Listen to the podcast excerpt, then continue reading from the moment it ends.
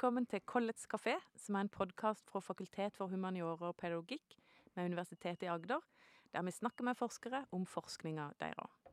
Mitt navn er Gunhild Kvåle, og jeg er vert for denne podkasten, og i tillegg prodekan for forskning med fakultetet. Collets kafé finnes det på to arenaer. Den ene er denne podkasten, som du kan lytte til når du vil, og hvor du vil. Og den andre er fysisk, et fysisk arrangement som skal foregå på Teater Kristiansand sentrum tre-fire ganger hvert semester. Og Podkasten er en selvstendig arena, altså ikke bare et opptak fra det fysiske arrangementet. Så her i podkasten får du altså møte andre forskere enn det du gjør på det fysiske arrangementet. Og Målet med College Café er å få formidla fakultetets forskning til et enda større publikum. Det er mange dyktige folk her med fakultetet, og de jobber med tematikker som vi vet at det er mange som interesserer seg for. Sånn som historie, filosofi, språk, religion, litteratur, medie, utdanning, barnehage og skole. Og så kan det òg tenkes at forskere her jobber med ting du som lytter kanskje ikke har tenkt så mye på før, eller visste om at du kunne være opptatt av, men som du oppdager gjennom denne podkasten. Og i dag skal jeg snakke med to historikere om et av de mest berømte årstallene i nyere norsk historie, nemlig selveste 1968, som har gitt navn til en, til en generasjon, til 68-erne. Så velkommen til deg, Knut. Takk. Knut Ørum. Og òg til deg, Øyvind Tønneson. Hei, Øyvind. Hei, hei. Knut og Øyvind de jobber med Institutt for religion, filosofi og historie, og har sammen med kollega Ralf Henrik Fags vært redaktør for stor, et stort bokprosjekt om dette, som kom ut tidligere i år. Den heter 'Arven etter 1968'. Og Knut, la oss begynne litt uh, hos deg. Hva er det egentlig folk snakker om når de snakker om 68? Hva var, eller er 68? Hvordan skal vi forstå 68? Altså 1968 har jo kanskje aldri skjedd. Det er jo en konstruksjon, hvis du sier litt fleipete. Men det er klart at 1968, da kulminerer det med, med opprør, med protest. Du får studentdemonstrasjoner i Paris, Berlin, Berkeley, i California, New York, Mexico City, Tokyo, Buenos Aires og Beograd. Og du får, særlig Frankrike, hvor du får flere millioner som, som, som stormer ut i gatene rundt omkring i Frankrike og protesterer og bruker Til slutt så blir det voldshandlinger. Og Charles de Gaulle er jo redd for at han skal bli styrtet som president. Aldo Moro i Italia må gå av. Der er det så hett, og det er generalstreiker i flere andre land. Det er mye som skjer i 1968, opp, og motstanden mot Vietnamkrigen i USA er jo på sitt sterkeste. Men vi mener jo at 1968 er mye mer enn det ene året. Ja. Og vi mener jo at dette er en, en lang prosess som tok over flere år. Vi kan si, gjerne si at det begynte i 1960 og varte langt ut på 70-tallet, kanskje inn på 80-tallet også, vil noen mene. Slik at de som mener at 1968 først og fremst er det som skjedde i 1968 og noen år rundt, med, med, stu, med forskjellige ja, studentdemonstrasjoner, ungdomsopprør, hippier, Jimmy Hendrix, The Beatles, uh, Jer uh, Jefferson Airplane og sånne, og motkultur. Altså det er mye mer. Alle var jo med på dette her, nesten. Ja, ja var de det? Var, var det? Dette var et opprør som, som hadde det var, hvis vi tenker på at vi er virkningshistorien, og da må vi se på dette som en stor samfunnstransformasjon som alle var med på. Alle ville rive ned noen autoriteter. Og alle ville på en eller annen måte med sin inngang frigjøre enkeltindividet. Og for mange var det også snakk om å skape likeverd mellom forskjellige grupper, sånn som kjønn, eh, raser, som har snakket om den gangen, eller etniske grupper, osv. Mm. Jeg vil kanskje si at eh, alle, dvs. Si alle de som måte, ble involvert i opprøret på noen måte den gangen. Men det er også tale om endringer som folk på en måte kanskje ikke egentlig selv ville velge, men det er endringsprosesser som har preget livet til veldig veldig mange mennesker. Og det artet seg noe forskjellig i forskjellige land. Mm. Eh, avhengig av, av, politisk kultur og sånt som er forskjellig i ulike land, både innenfor Europa og i verden. Latin-Amerika var jo også med. Si for meg, da, som er født helt på slutten av 70-tallet her i Norge, hvordan, hvordan har 68 forma, forma min tid? Det tror jeg må kunne si at, at eh, din Altså den måten du gikk på skole på, f.eks., Ja. den tror jeg nok er påvirket ganske mye av eh, det som skjedde i 1968. Eller ikke i 68 som år, da, men nettopp det som Knut snakket om. Denne prosessen som starter kanskje tidlig på 1960-tallet, og som går ut igjennom 70-årene.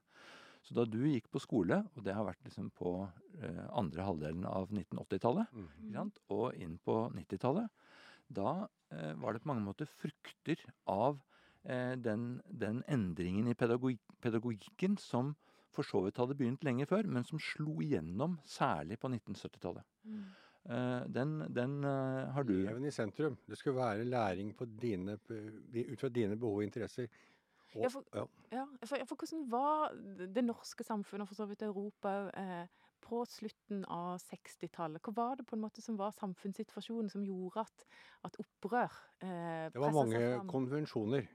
Så, først er det reguleringssamfunnet som, som ble veldig sterkt etter 1945. Det var jo helt nødvendig med krigsøkonomi. Mange land var jo nedslitt, altså økonomien var nedslitt. Man måtte bygge opp, og land, Flere land var jo, øh, hadde store skader og ødeleggelser etter krig. Norge f.eks. Så det, krevdes en, en, en, en, stat som kontrollerte og styrte mye av økonomien og, skal, og, og regulerte samfunnet. Eh, Og det var alle med på en stund. Og så hadde vi kalde krigen i tillegg, som skapte en, en, en behov for eh, eh, konsensus, enhet, samling, nasjonal samling og samling innad i Vesten mot øst, kommunistisk øst. Så dette går jo noen år, og folk opplever jo veldig mye velstand, og, vel, og ting går jo rett opp. Altså det er opp, lang opptur. og Økonomi, sterk økonomisk framgang og stor vekst, velstandsutvikling. Så blir jo en, kommer det en generasjon som, ikke, som er trygge. Som jeg har, lyst på, f- jeg har ikke lyst på trygghet, jeg har lyst på frihet. Og så er de lei av disse konvensjonene. Driss, gå med dress og bukke og neie og si de og dem og være høflig og ha respekt for de eldre og stå på rekke og rad på, i skolen. Og alle, alle, alle disse autoritetene de må forholde seg til. Og så har de utdannelse. Du får en generasjon som plutselig har mye mer utdannelse enn foreldrene sine. For de går på gymnaset, og flere går også på universitetet. Mm. Plutselig har de masse mer kunnskap og er mye mer samfunnskritiske. Og her kan vi si at eh, eh, altså, Den norske historikeren Tor Egil Førland han har drevet mye forskning på 1968. For så vidt mye mer enn vi har gjort. Men Mm. han, er, han har særlig konsentrert seg om akkurat dette med studentopprøret eh, det året. Og egentlig at, hva, hvordan forklarer man at det ble et sånt stort opprør i store deler av verden på det tidspunktet. Og da er en sentral forklaring hos ham det er nettopp dette med, med en slags babyboom etter, rett etter andre verdenskrig. Og de som er født rett etter krigen, eh, som da levde med dette reguleringssamfunnet, men som ikke hadde eh, krigsårenes eh, dramatikk og, eh, og tøffe forhold som bakgrunn, Mm. de eh, kom da og rykket måte inn på, eh, på gymnasene og på the colleges ikke sant? Og, og på universiteter, Mm. i særlig de vestlige land, Mm. eh, i stort monn. Altså det er ganske fantastisk når man ser på tallene over antall studenter på universiteter og høyskoler i eh, europeiske land og i USA i, eh, på, i løpet av 60-tallet. Det vokste enormt. I Norge ble det født 70 000 barn i 1946. I 1933 ble det født, eh, født 30 000-40 000. Altså det nesten dobling. Og det, det var mye glede som lå bak etter fem år krig. Så der, man, man koste seg virkelig disse fredsårene, altså de første fredsårene. Det ble veldig mange barn. Mye Kan barn man ut av håpe. Kan man håpe. Vi får håpe. så det er jo kjærlighetsbarn alle sammen. Så vi må huske at det er loven. Det passer bra med love and peace. Eller peace and love. Ja. ja. Eller begge deler. Ja. Men det er disse, denne generasjonen her som, Ja. som ofte blir kalt for 68-erne. Ja. Eh, og hva er liksom eh, Det har vel òg satt noen spor. Eh, liksom, hvordan, hvem var 68-erne, og hvordan, hvordan, hvordan har de forma Altså jeg syns vi er litt lei av å snakke om 68-erne som en gruppe. For vi er nok mer opptatt av å få med oss alle Ja, i dette her. Ja. For dette er det er jo mange andre snakka om hvem er disse 68-erne som gikk rart kledd og hadde mye skjegg og langt hår og, og protesterte hele tiden. Var alltid nei til alt. Ja. Og, protest, og alt var galt. Og så var de litt utopiske og de, de, de naive og alt sånt. Det der er, og det er klart, 80- og 90-tallet de gjorde narr av altså Når du fikk høyrebølgen på 80- og 90-tallet, jappene, så gjorde de virkelig narr av 68-erne. Så 68-erne har fått et lite omdømmeproblem. ikke sant? Det er folk som røyker hasj og er urealistiske og anarkistiske og helt tullete. Men, men de er jo ikke vi så opp, vi er opptatt av alle, å få med oss alle i dette 68. For tenk, tenk deg, Hvis du hadde lest, fulgt et NRK-program på 60-tallet, så ville du fått en, et innslag om kvinner hvor de snakket om svake kjønn. Kommer stadig, hører stadig kommentarer om kvinner er ikke så flinke og intelligente som menn, men de er jo søte og se pene å se på. ikke sant? I dag så går det ikke an å gjøre sånn. Heldigvis, vil jo jeg si. Og 70-tallet så ville jeg hørt på Aften, lest Aften, på innslaget i Aftenposten om eh, hvordan mannlige journalister gjorde narr av kvinnelige idrettsutøvere på de mest groteske og forferdelige måter. Og maskaraen som renner. Og nå er hun blitt svett igjen. Hva, hva, hvordan skal dette gå? Nå, hun er jo svett. Ja. Og så, dette er jo en, en, virkelig en positiv arv etter 1968. At det ikke er mulig lenger å skrive sånn, eller si sånne ting. Eller snakke om, det, om disse fattige, stakkars, eh, litt enkle negrene i Afrika. Det kan vi heller ikke snakke om lenger, sånn som man gjorde på 60-tallet. Ja. Men her er det også viktig å se at eh, Og det gjør nettopp at dette 68-fenomenet på mange måter flyter ut. Det, blir, det spriker i mange retninger. Mm. Og det er jo det at eh, disse tingene her var ganske forskjellige eh, i forskjellige land. Ja. Ja. Så eh, eksempel denne feministiske bølgen som vi fikk i, i Skandinavia, eh, som kan si på 1970-tallet, som er en forlengelse av 1968 på mange måter, den hadde en annen form i mange andre land i verden. Mm, mm. Så det er noe med at, eh, at uh, eh, altså, feminismen er jo oppdelt i mange forskjellige typer feminismer Mm. som slett ikke er konsistente og henger sammen. ikke sant? Tvert imot. De kan stå i ganske skarp motsetning til hverandre. Og dette har vært noe som også har preget uh, noe av denne arven etter 68. Mm. At f.eks. I, i et land som Frankrike Mm. så, har, har, så hadde opprøret hva skal jeg si, en, en karakter som var ganske annerledes egentlig enn det man fant eh, i Norge og resten av Skandinavia. USA skiller seg ut, ikke sant? For der har du jo dette kampet for Den gangen kalte man de svarte, ikke sant? De svartes rettigheter. Jeg holder meg til den termen. I dag vil vi kalle det afroamerikanere. Eh, Men altså kampen, black power, altså kampen for de svartes rettigheter, var jo, det var jo veldig viktig. Mm. Og sammen med motstanden mot Vietnamkrigen. Det at svarte ikke kunne gå på restauranter, kafeer, busser, er egen avdeling for bussene hvor de kunne sitte. Mange restauranter, kafeer som var lukket for dem. Boligområder som var lukket. Arbeidsplasser. Så mange muligheter. Og så ble det banket opp hvis de forsøkte å melde seg til stemmelokalene. Og Ku Klux Klan dominerte. Og sørstatene var jo på slutten av 1800-tallet, langt ut på 1900-tallet, styrt av sheriffer og guvernører som, som, var, som gjennomførte apartheidsystemer fullstendig. Men de hadde et skjult apartheidsystem i nordstatene som ikke var så mye bedre. Så det var helt forferdelige vilkår de levde under, de svarte. og Det gjør de jo fremdeles i USA. Men det, har, men det hjalp. Hjalp noe, det som skjedde på 60-tallet med marsjene og, og, pro- og sangene og protestene. Men det jeg tror kanskje er viktig å få fram, det er at uh, hele dette fenomenet foregår altså over en periode på en sånn 15-20 år. Mm. Mm. sant? Og det skjer egentlig i mange land på en gang. Mm. Samtidig er det veldig ulik form det Mm. får i ulike land. Mm. Altså slik at lati Den latinamerikanske utviklingen av et slags 1968, den har én form. Da Mm. ser man f.eks. frigjøringsteologi. Altså hvor, hvor det er en slags radikal mm, eh, fortolkning av Bibelen og, og på en måte også av kirkehistorien som, som eh, preger veldig mye av opprøret. Det er prester som gjør opprør. ikke sant? Mot eh, en tradisjonell konservativ kirke som støtter opp om veldig, et veldig veldig klassedelt eh, samfunn. Mm. Så det er liksom én form. Og så har vi liksom den, den amerikanske, Ja. hvor, det, hvor borgerrettskampen, som Knut nettopp snakket om, er helt sentral. Altså kampen mot eh, rasisme, egentlig. Ja. Og den slår jo over veldig på det som blir eh, utover i 70-årene, og enda mer på 1980-tallet. Anti-apartheid-bevegelsen. Mm, Altså mm. motstand mot eh, eh, raseskillepolitikken i Sør-Afrika. Afrika. Og så har vi i Europa Europa er jo delt ikke sant, under den kalde krigen Mm. mellom øst og vest.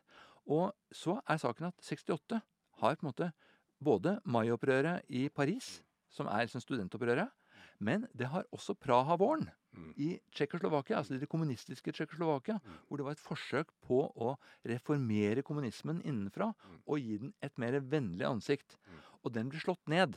Mm. Og det er, da er det på en måte sånn at disse ulike eh, ulike eh, kontekstene da, i forskjellige deler av verden, de slår ut og får veldig stor betydning for hvordan 1968 eh, kommer til uttrykk.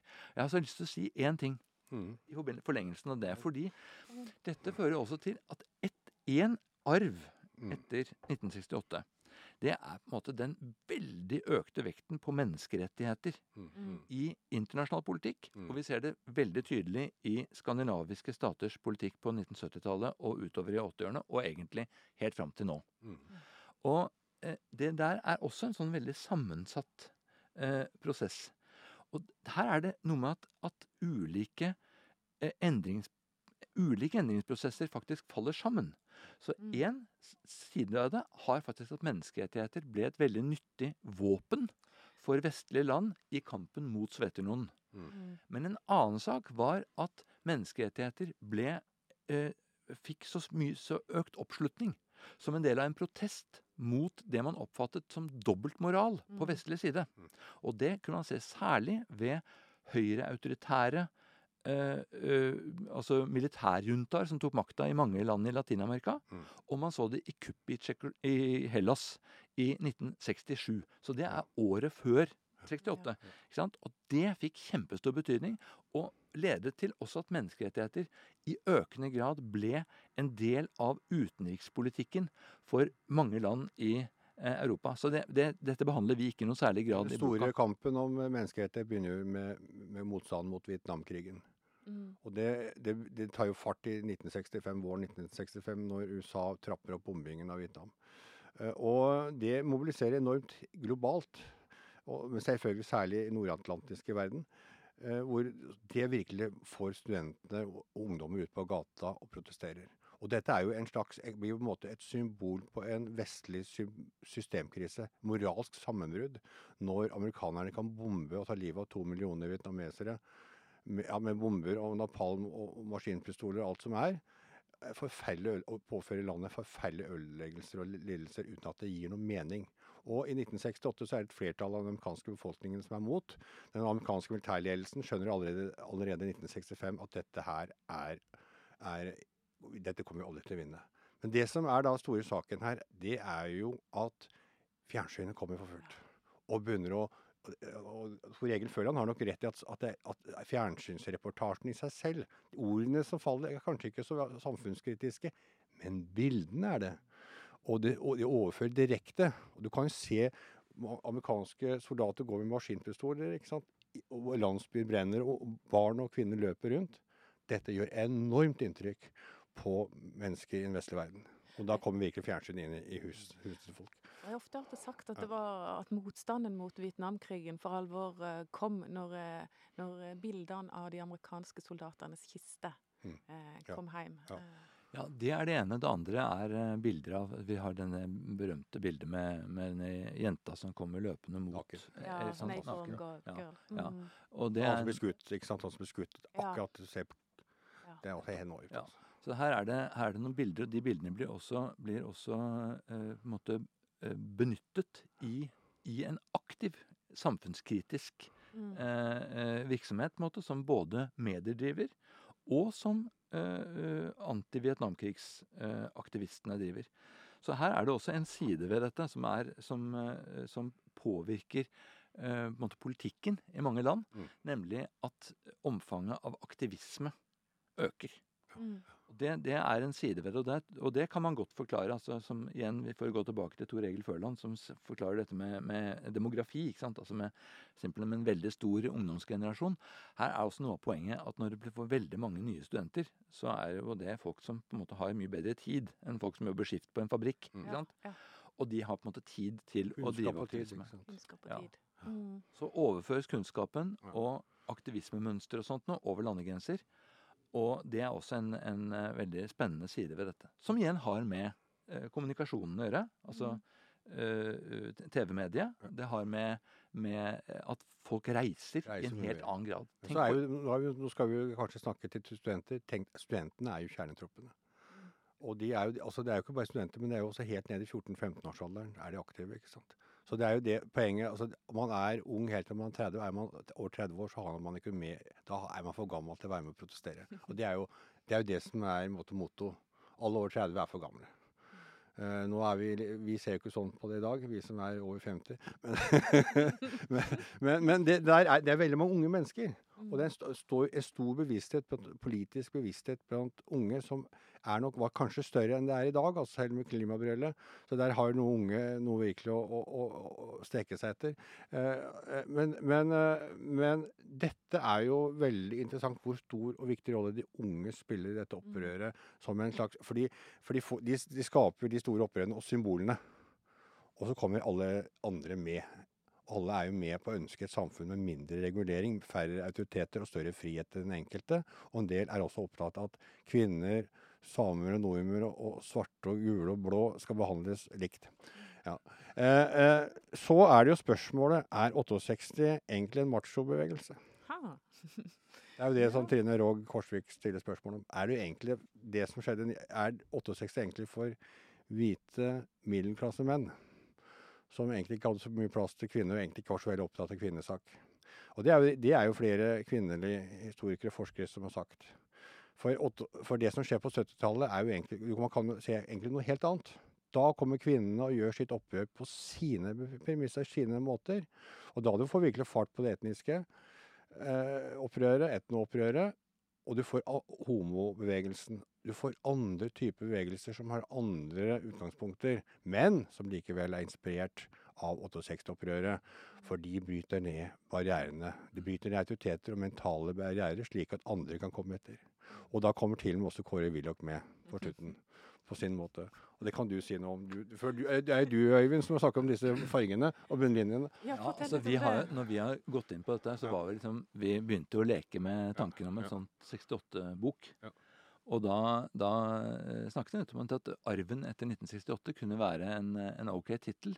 Og så ble vi opptatt av å se på Nettopp fordi vi ønsket å fange opp alle. Altså hvordan er det dette har hatt en påvirkning på samfunnet i stort? Mm. Sant? Og da eh, slo det eh, oss plutselig altså Jeg syns ofte det er litt sånn ironisk da, at, man, at det har vært en sånn periode fra, særlig fra 90-tall og, og framover, hvor veldig mange har brukt ordet bunnlinje. Mm. Ikke sant? Altså, Når det kommer til bunnlinjen, så er det det og det som teller. ikke sant? Altså, og bunnlinjen er jo et regnskap.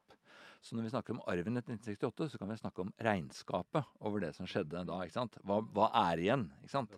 Og da opererer vi med en rød og en grønn og en blå bunnlinje. Og det er selvfølgelig knyttet opp til politiske farger. Ja, Så den røde bunnlinjen, Ja.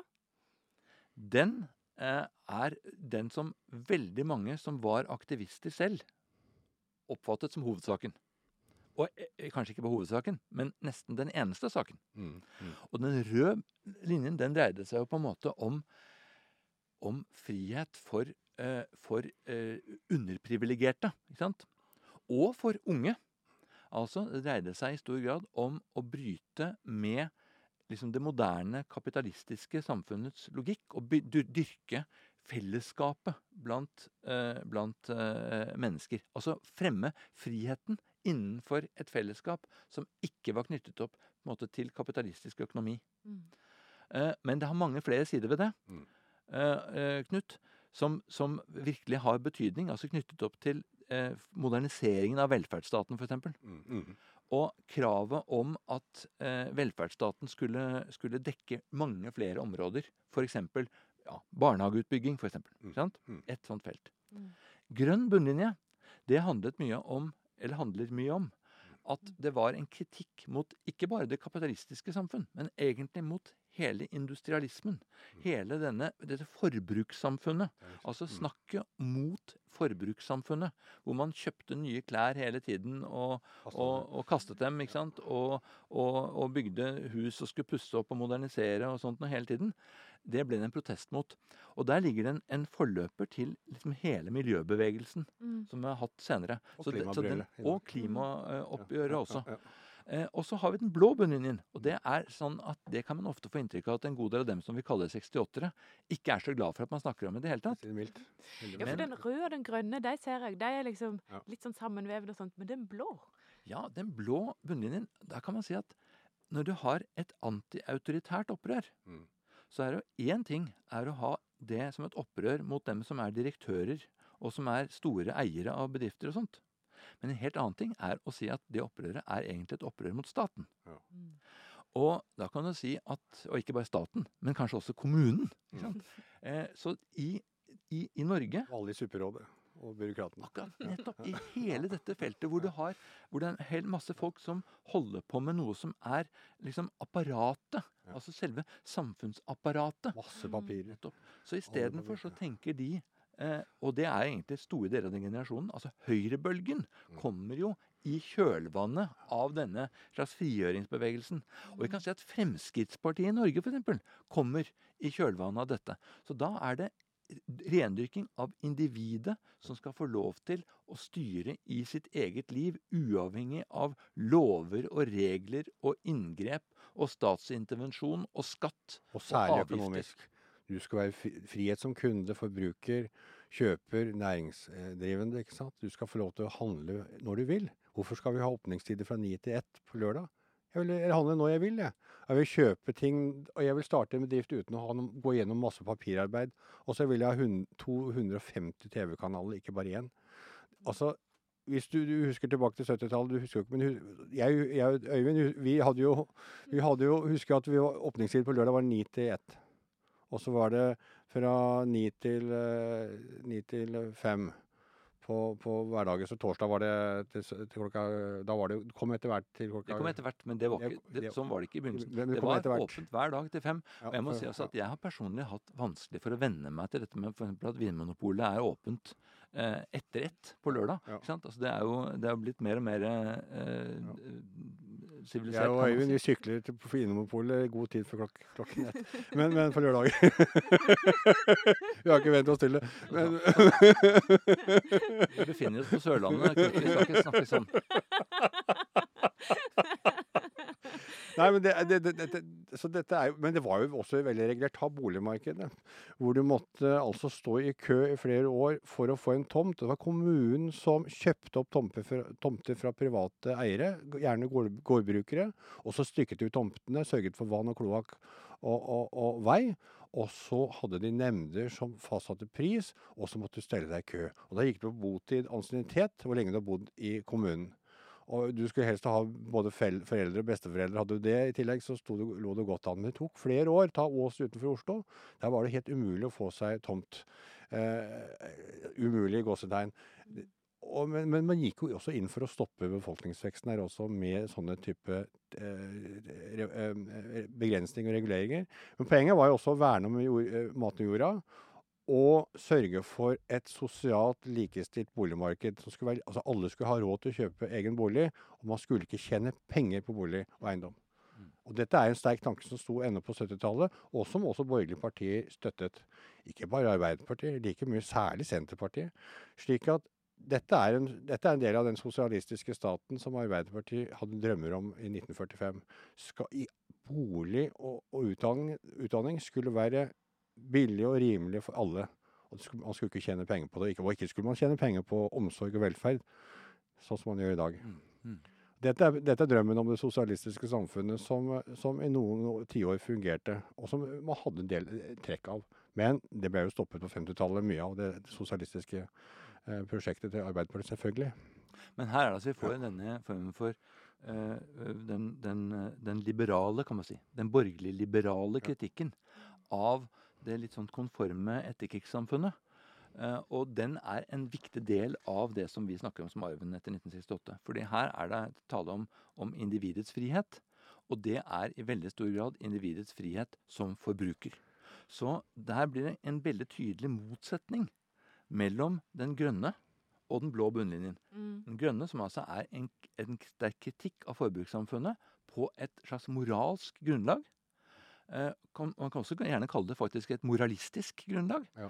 Og så har du på den andre siden eh, den, eh, den liberale, eller til og med liberalistiske Mm. tilnærmingen, som da preger høyresiden, hvor man sier at politikkens oppgave det er å sørge for å frigjøre enkeltindividet, Mm. slik at det slipper den formen for, for, for formynderskap Mm. og sånt, som, som uh, den kollektivistiske tanken til uh, særlig uh, sosialdemokratiet, men også til en god del konservative eh, politiske krefter, særlig, i, Mm. særlig i mange andre land, eh, eh, som det som de, de har stått for. Så er det jo en ting, Hva er det som er felles for all den ungdommen, både den blå, røde og grønne? Vi har jo en del fellestrekk. Jeg tror alle var lei av Arbeiderpartistaten. Arbeiderpartiet hadde dominert i, i, i, fra 1945 til 1965 og kastet lange skygger innover over Borten i regjeringen inn på 70-tallet. Eh, eh, eh, med regulering. Men, men, Arbeiderpartiet har fått litt for mye skyld, fordi at alle var jo med på dette her. Også borgerlige partier mente at regulering var viktig, og, og statsstyre og velferdsstat. Eh, men, men, alle var lei av dette konformitetspresset. La oss høre på hva to eh, sinte unge menn, som de skriver i, i Ås i 1971, skriver. Idealsamfunnet vårt er at alle kjører folkevogn, har 1,5 barn, bor i 67 kvadratmeter leilighet og stemmer Arbeiderpartiet. Og det der oppsummerer ganske godt mm. hvordan ungdom opplevde samfunnet. Konformitet. Mm. Alle skal være like. Mm. Ensretting. Og, det preget jo også en god del av, faktisk, eh, av eh, debatten og kritikken internt i Arbeiderpartiet. Fordi ungdomsgenerasjonen i Arbeiderpartiet Eh, sånne som eh, Torbjørn Jagland og, og eh, ja, altså, Jeg skal bare fullføre en ting. For hva er det som er felles for all ungdommen? Jeg, jeg begynner å snakke om noe som jeg syns er veldig vanskelig å snakke om. Det er hår. Eh, jeg har ikke så mye av det lenger. Jeg kommer til kort når det gjelder hår. Men, men det at Altså, I 1966 så ville, ville, ungdommer som hadde litt mer hår enn Eller, så, eller så, litt kortere hår enn deg, ville blitt utvist. Nå peker Knut på produsenten her. Produsenten. Og, og det ble utvist. I 1972 så gikk alle menn under, under 40 år med ganske langt hår og skikkelig koteletter. Da var dette helt Det var det som var moten. Og, og Dette med alle er å overdrive. overdrive ja, overdrive, ja, lov. Det er lov å overdrive. Det er så tidlig på morgenen. Eh, eh og iallfall det veldig mange. Slik at også ble dressen kasta, slipset kasta, T-skjorter, olabukser slo gjennom. Og så forsvant jo de og dem i løpet av noen få år rundt 1970. Hvor du og deg ble helt naturlig å si. Mm. Og dette er jo en kulturrevolusjon. Og den, det, disse tingene der er ganske viktige. For det forteller om at man river ned autoriteter, og at man skaper større likhet mellom mennesker. Og at det blir mulig å uttrykke en personlig identitet. En personlig identitet, ja. ja. Jeg har lyst til å si eh, en ting eh, som dreier seg om boka. Fordi denne boka 'Arven etter 1968' den er jo altså en bok som er artikler av, uh, av forfattere fra en lang rekke ulike uh, faglige disipliner. Ja, Så her har vi folk som på en måte har uh, jobbet med forskning på, på, feminisme, på kvinnekamp. på en måte. Det er folk som har jobbet med, med, med religionssosiologi. Eh, en av kollegene våre her på, på UiA, eh, Pål Repstad, som har skrevet en artikkel om det, som er ganske personlig. Mm. Fordi han, har, mm. han eh, er tilhører generasjonen selv, mm. og, og, har opplevd særlig da 1968-fenomenet på en måte i, i kirkelige miljøer. Mm. Så det er en side ved, ved dette, dette, opprøret. Vi har, som, vi har, en artikkel som dreier seg om utvikling i norsk skole. Mm. Og vi har eh, eh, om utviklingen i, innenfor norsk partipolitikk. Mm. Altså eh, hvordan eh, forholdet også mellom lokal, lokale og nasjonale politiske utviklingstrekk har, har, vært. Så den, ideen vårt har nettopp vært å se på mange slike ulike fenomener. Både Kunsten må vi nevne nå. Kunsten, definitivt. Ja. Ja. Altså kunstnere ja. var, er både produkter av 1968-fenomenet, men de bidro også i veldig høy grad til å skape det fenomenet. Ikke sant? Så, det bryter nå Der ble jo så mange konvensjoner brutt ned. Det ble så mange nye uttrykksformer. Og så er det litteraturen som du har greie på, Gunhild. Altså, altså, der skjer det jo en revolusjon på 70-tallet òg. Ikke sant? Hvor det, er, hvor det, åpner for mange mye, nye litterære grep og temaer. Mm. Men det er én ting vi må snakke om til slutt. Hva er, hva er bivirkningene av 1968? Eh, det som du kan si litt vanskelig og litt, litt, litt, eh, Det som ikke er så kanskje så udelt positivt? Ja, altså, er, her, er, her, er, det mulig at Knut og jeg har lyst til å snakke om to forskjellige ting. Ja, ja. Men, men, men, den kan likevel være Det er to perspektiver på ja. kanskje noe av det samme. Ja, du kan begynne. Men én ting som jeg som slo meg da vi begynte å se på dette, det var faktisk eh, i 2018, altså 50 år etter 1968. Mm. Da eh, var det valg i Sverige. Og så var det på sending etter valget, så var eh, lederen for Sverigedemokraterna, altså dette høyrepopulistiske partiet i Sverige, han var intervjuet på TV, og så snakket han om faktisk om 1968. Og så sier han at etter 1968 så ble nasjonen noe fult. Altså nasjonen ble på en måte mm. eh, illegitim på en måte i, eh, i offentligheten. Og at det var en lang rekke andre fenomener som var knyttet opp til 1968, som utelukkende hadde vært ødeleggende for samfunnsutviklingen, og som de som var i Sverigedemokraterna, hadde som mål å rulle tilbake. Mm. Og det var på mange måter et slags, et slags forvarsel om veldig mye som også foregår i store deler av Europa. Eh, vi ser det i Polen, vi ser det i Ungarn, vi ser det i Tyskland, i, eh, på, på, på, en ytterliggående høyreside der. Og definitivt når det gjelder Donald Trump og eh, republikanske partiets utvikling i USA.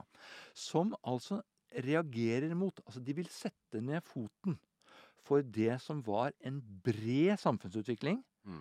etter 60-årene.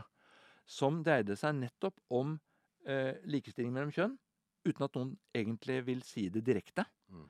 Det dreier seg om eh, en slags tvangsmessig respekt for eh, eh seksuelle avvik, mm. som man oppfatter det. Mm. Altså Man oppfatter homofili som et seksuelt avvik, og det må være fritt for det enkelte mennesket selv å ha negative holdninger overfor folk som er homofile. Det vil være en sånn oppfatning i dette. Altså motstanden mot politisk korrekthet. Mm. For der ligger det nettopp et, en side ved arven. Men det, det som er med nasjonalkonservative, de, for dem er jo 68-erne en, en, av hovedfiendene. For de, de ødela USA. De, ikke minst ødela de USAs omdømme.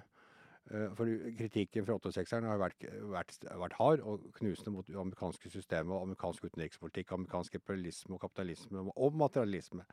Eh, og, og, så slik at eh, den, disse nasjonalkonservative kreftene er skumle og farlige. For de vil egentlig fjerne demokratiet. De, de vil fjerne likeverd og menneskerettigheter. Men, det noen, men det er noe med identitetspolitikken som også har noen litt, eh, litt eh, ja, moraliserende sider. Og det er jo at det er Black Lives Matter, det er metoo-bevegelsen, og det er disse nye eh, native-bevegelsene, etnobevegelsene. Eh, og dette to, to indigenize, indigenous peoples, det er jo et nytt slagord, ikke sant at alle, vi, vi, er et urfolk med veldig mange rettigheter, og vi har en, en, historie med masse undertrykkelse. Vi må definere historien. Ingen andre har lov til å fortelle noe, oss, fortelle noe om vår historie. Det er vår historie. Vi har definisjonsmakt. Og hvis vi skal ha diskusjon, så er det vi som skal snakke, og så skal dere lytte. Og det er litt problematisk, for det kan skape nye autoriteter. Det kan skape meningsmonopol og tvangs... Eh, ikke tvangstanker, men, altså, men, men, men meningstvang og ensretting. Og der, der, ligger en utfordring. Og så kan det bli et krenkelseskultur hvor man hele tiden leter etter at man har ting som kan virke krenkende. Da kan man gå for langt i å føle seg krenket, eller å, å finne grunner til å bli krenket. Og Det er det som er utfordring. Eh, ikke bare når det gjelder forhold til disse bevegelsene, men hele samf vestlige samfunnet. Vi som studenter eller ansatte blir kanskje noen ganger litt for lett krenket. Vi kan si at 1968, 1968 var et frigjøringsprosjekt. Og det endte på en måte med en frigjøring som ledet til en ny form for, uh, en ny form for uh, hva skal jeg si, kulturell tvang. Mm. Slik mange har opplevd det. Mm. Det er noe av det som gir grunnlag for en debatt også om mm. nettopp om arven 1968 i dag. Identitetspolitikken, ja. Det slår meg eh, at, eh, at, arven etter 1968 den, den, er, den, er, i høyeste grad levende. Og mange av de linjene du har pekt på, den røde og den grønne og den blå bunnlinja, og bivirkningene og eventuelle bivirkninger og sånt, det er jo noen av de spørsmålene som, som virkelig skaper engasjement akkurat i samtida. Mm. Så eh, en, en, en, en, viktig arv, og viktig at noen skriver bøker om den arven. Så um, jeg tror vi må eh, runde av. jeg har lyst til å si tusen takk til dere for å være her og snakke med meg om det. Professor Knut Dørum og førsteamanuensis Øyvind Tønneson eh, som sammen med kollega Ralf Henrik Fax har skrevet ei bok om arven etter 1968. Og det var veldig OK å snakke med dere. Jeg føler meg liksom opplyst, informert og hva skal du si, utviklingstrekk i, i, i min samtid og nære fortid som, som vever sammen på, på, nye måter. Så dette var ordentlig inspirerende og givende. Så eh, Collets kafé sier mange takk til dere, og takk for seg. Vi høres.